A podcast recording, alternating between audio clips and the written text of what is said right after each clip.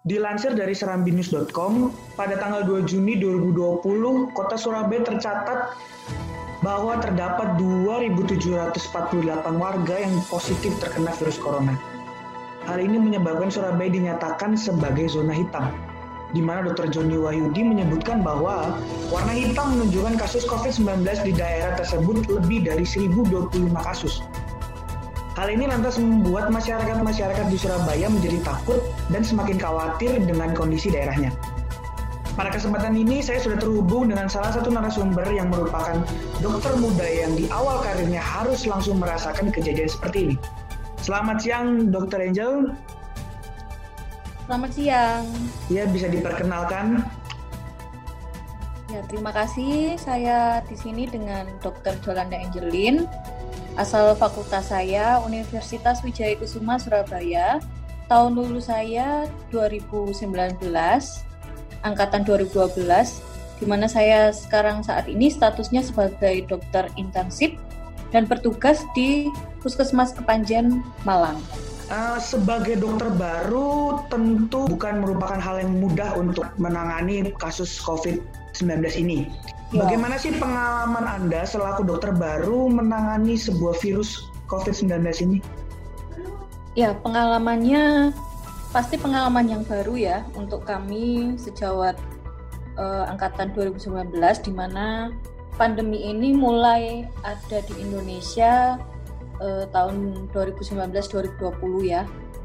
Pasti pengalaman yang baru di mana juga bertambah ilmu pengetahuan kami tentang virus COVID-19 ini, di mana kita juga mengetahui bagaimana e, menapiskan kriteria-kriteria pasien COVID-19 ya, di mana terdapat beberapa kriteria seperti pasien OTG, ODP, PDP, dan juga positif ya, di mana kita memang harus memahami setiap gejala-gejala yang ada di mana setiap uh, apa yang dirasakan oleh pasien kita juga harus bisa memilih-milih. Nah, dari situ kita juga bisa bedakan gimana pasien OTG, ODP, dan PDP.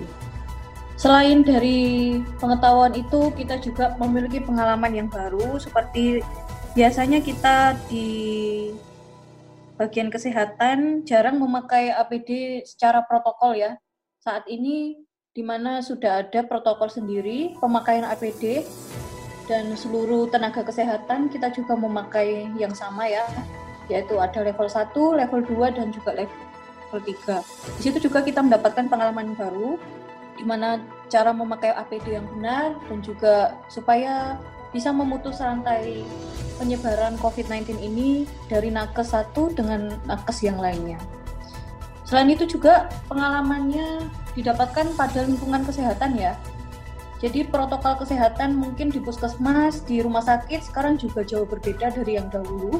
Sekarang lebih di screening terlebih dahulu dari awal masuk pendaftaran pasien, uh, di screening dari suhu tubuh, dari riwayat perjalanan dan lain-lainnya. Jadi sekarang memang protokolnya lebih ketat ya supaya uh, juga kita di puskesmas ataupun rumah sakit bisa memutus rantai penyebaran COVID-19 ini ya. Kami selaku tenaga kesehatan juga harus memupuk supaya tidak bisa pulang. Jadi kita tidak bisa bertemu dengan keluarga karena kita kan kontak terus dengan pasien-pasien kita juga tidak tahu kita menjadi karier atau tidak. Ya itu salah satu tantangannya ya. Mungkin tidak bisa menghindari ya karena kan memang sudah menjadi kewajiban kita sebagai tenaga kesehatan dan juga saat kita dilantik kita mempunyai, sumpah dokter. Oke baik, sungguh pekerjaan yang sangat mulia ya. Uh, untuk selanjutnya melihat dari berita saat ini bahwa per tanggal 22 Juni 2020 tercatat terdapat 2.748 warga yang positif terkena virus corona di daerah Surabaya. Ya, tentu ini merupakan kampung halaman dari dokter sendiri kan, di mana ya, walaupun betul. memang saat ini dokter bekerja di daerah Kepanjen, tapi memiliki rasa kesayangan juga kampung-kampung halaman sendiri bisa terkena kasus virus corona seperti ini. Nah, kira-kira apa sih eh, tanggapan dokter mengenai meningkatnya tingkat virus corona ini sehingga dikatakan Surabaya terkena sebagai zona hitam. Bagaimana kira-kira pendapat ya, dokter? Uh, memang ya saat ini saya memang uh, ditugaskan di Kabupaten Malang, tapi juga fakultas saya aslinya di, Surabaya ya, Universitas Wijaya Kusuma. Jadi saya cukup mengikuti perkembangan di Surabaya bagaimana. Untuk peran pemerintah di Surabaya cukup bagus ya, seperti baru-baru ini kita ketahui Bu Risma sudah menggalakkan rapid test massal ya. Sama-sama kita satu Indonesia juga sedang memerangi COVID-19 ini. Langkah yang diambil dari Bu Risma memang cukup bagus karena memang kita tidak mengetahui ya di mana pasien-pasien yang ODP, PDP atau OTG kita tidak tahu. Jadi dengan adanya rapid test masal ini kita bisa mengetahui di mana saja terdapat pasien yang OTG, ODP ataupun PDP.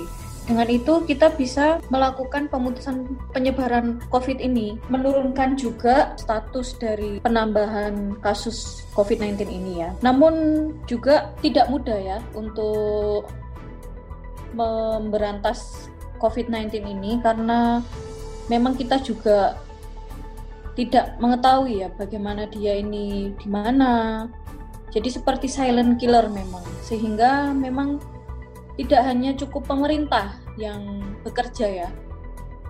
Kita juga butuh masyarakat yang ambil andil untuk memutus rantai penyebaran COVID-19 ini.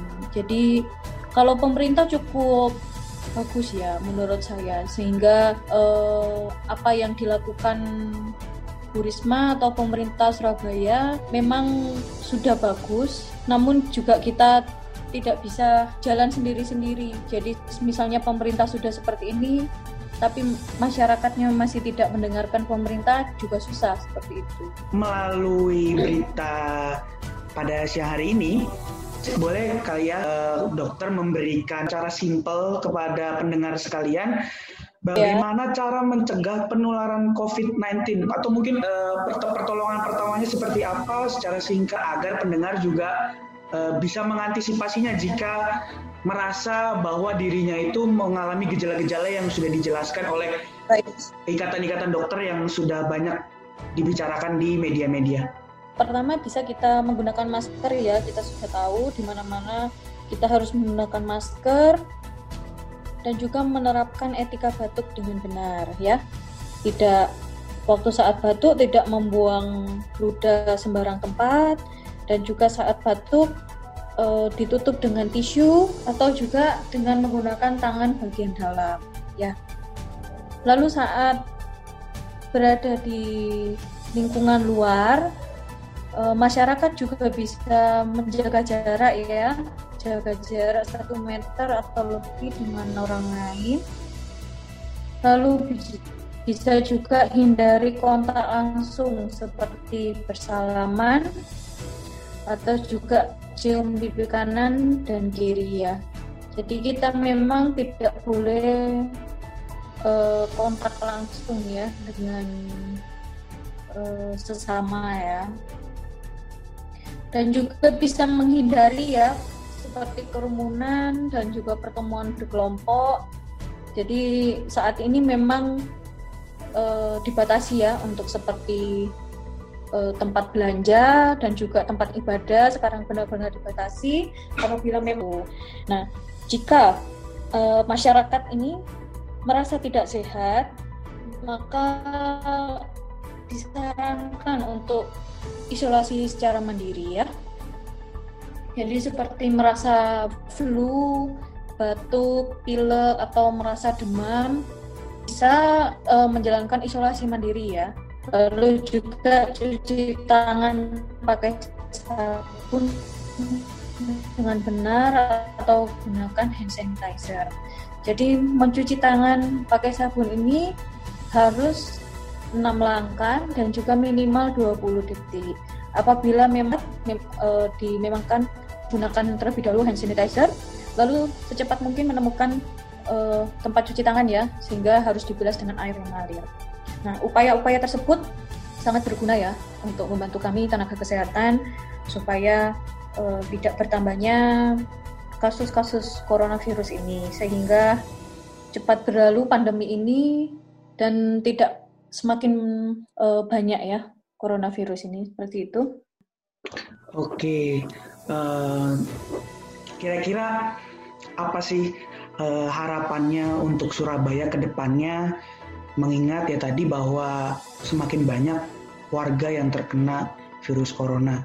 Kira-kira kalau pendapat dari dokter sendiri harapannya untuk Surabaya ke depan tuh seperti apa ya? Harapannya jelasnya angka pertambahannya ini juga menurun ya, di mana sudah banyak cara pemerintah untuk memutus rantai penyebaran ini ya, seperti PSBB yang digalakkan kemarin dan juga hanya tidak dua minggu ya, tapi diperpanjang ya, saya tahu itu di Surabaya. Nah, harapannya dari setiap apa yang diambil dari pemerintah itu bisa menurunkan angka dari penyebaran itu sehingga dari zona hitam itu menjadi bisa zona merah dan juga kalau bisa menjadi zona hijau seperti itu. Namun kalau misalnya kita hanya mengandalkan pemerintah memang agak sulit ya karena bagaimanapun pemerintah sudah memberikan yang terbaik.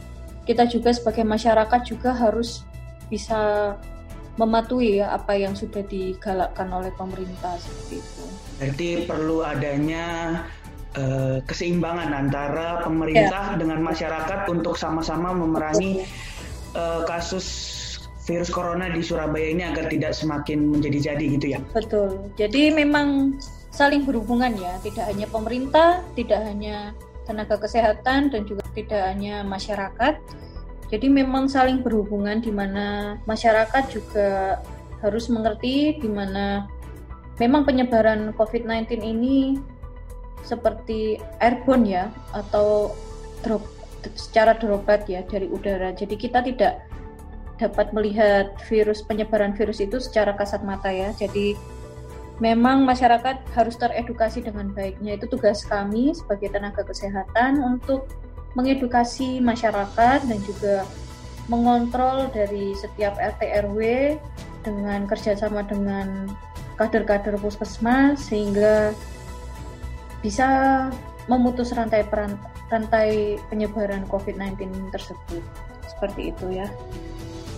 Oke, berarti ya yang bisa kita lakukan saat ini lebih baik yeah.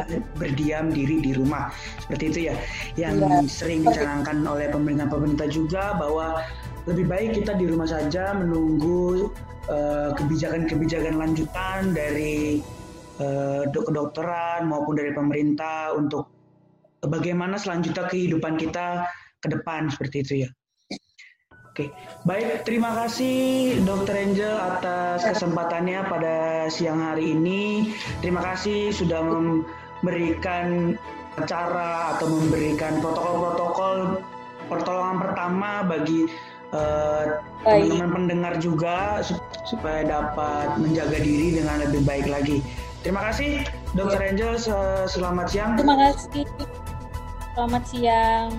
Demikianlah wawancara saya dengan Dr. Angel.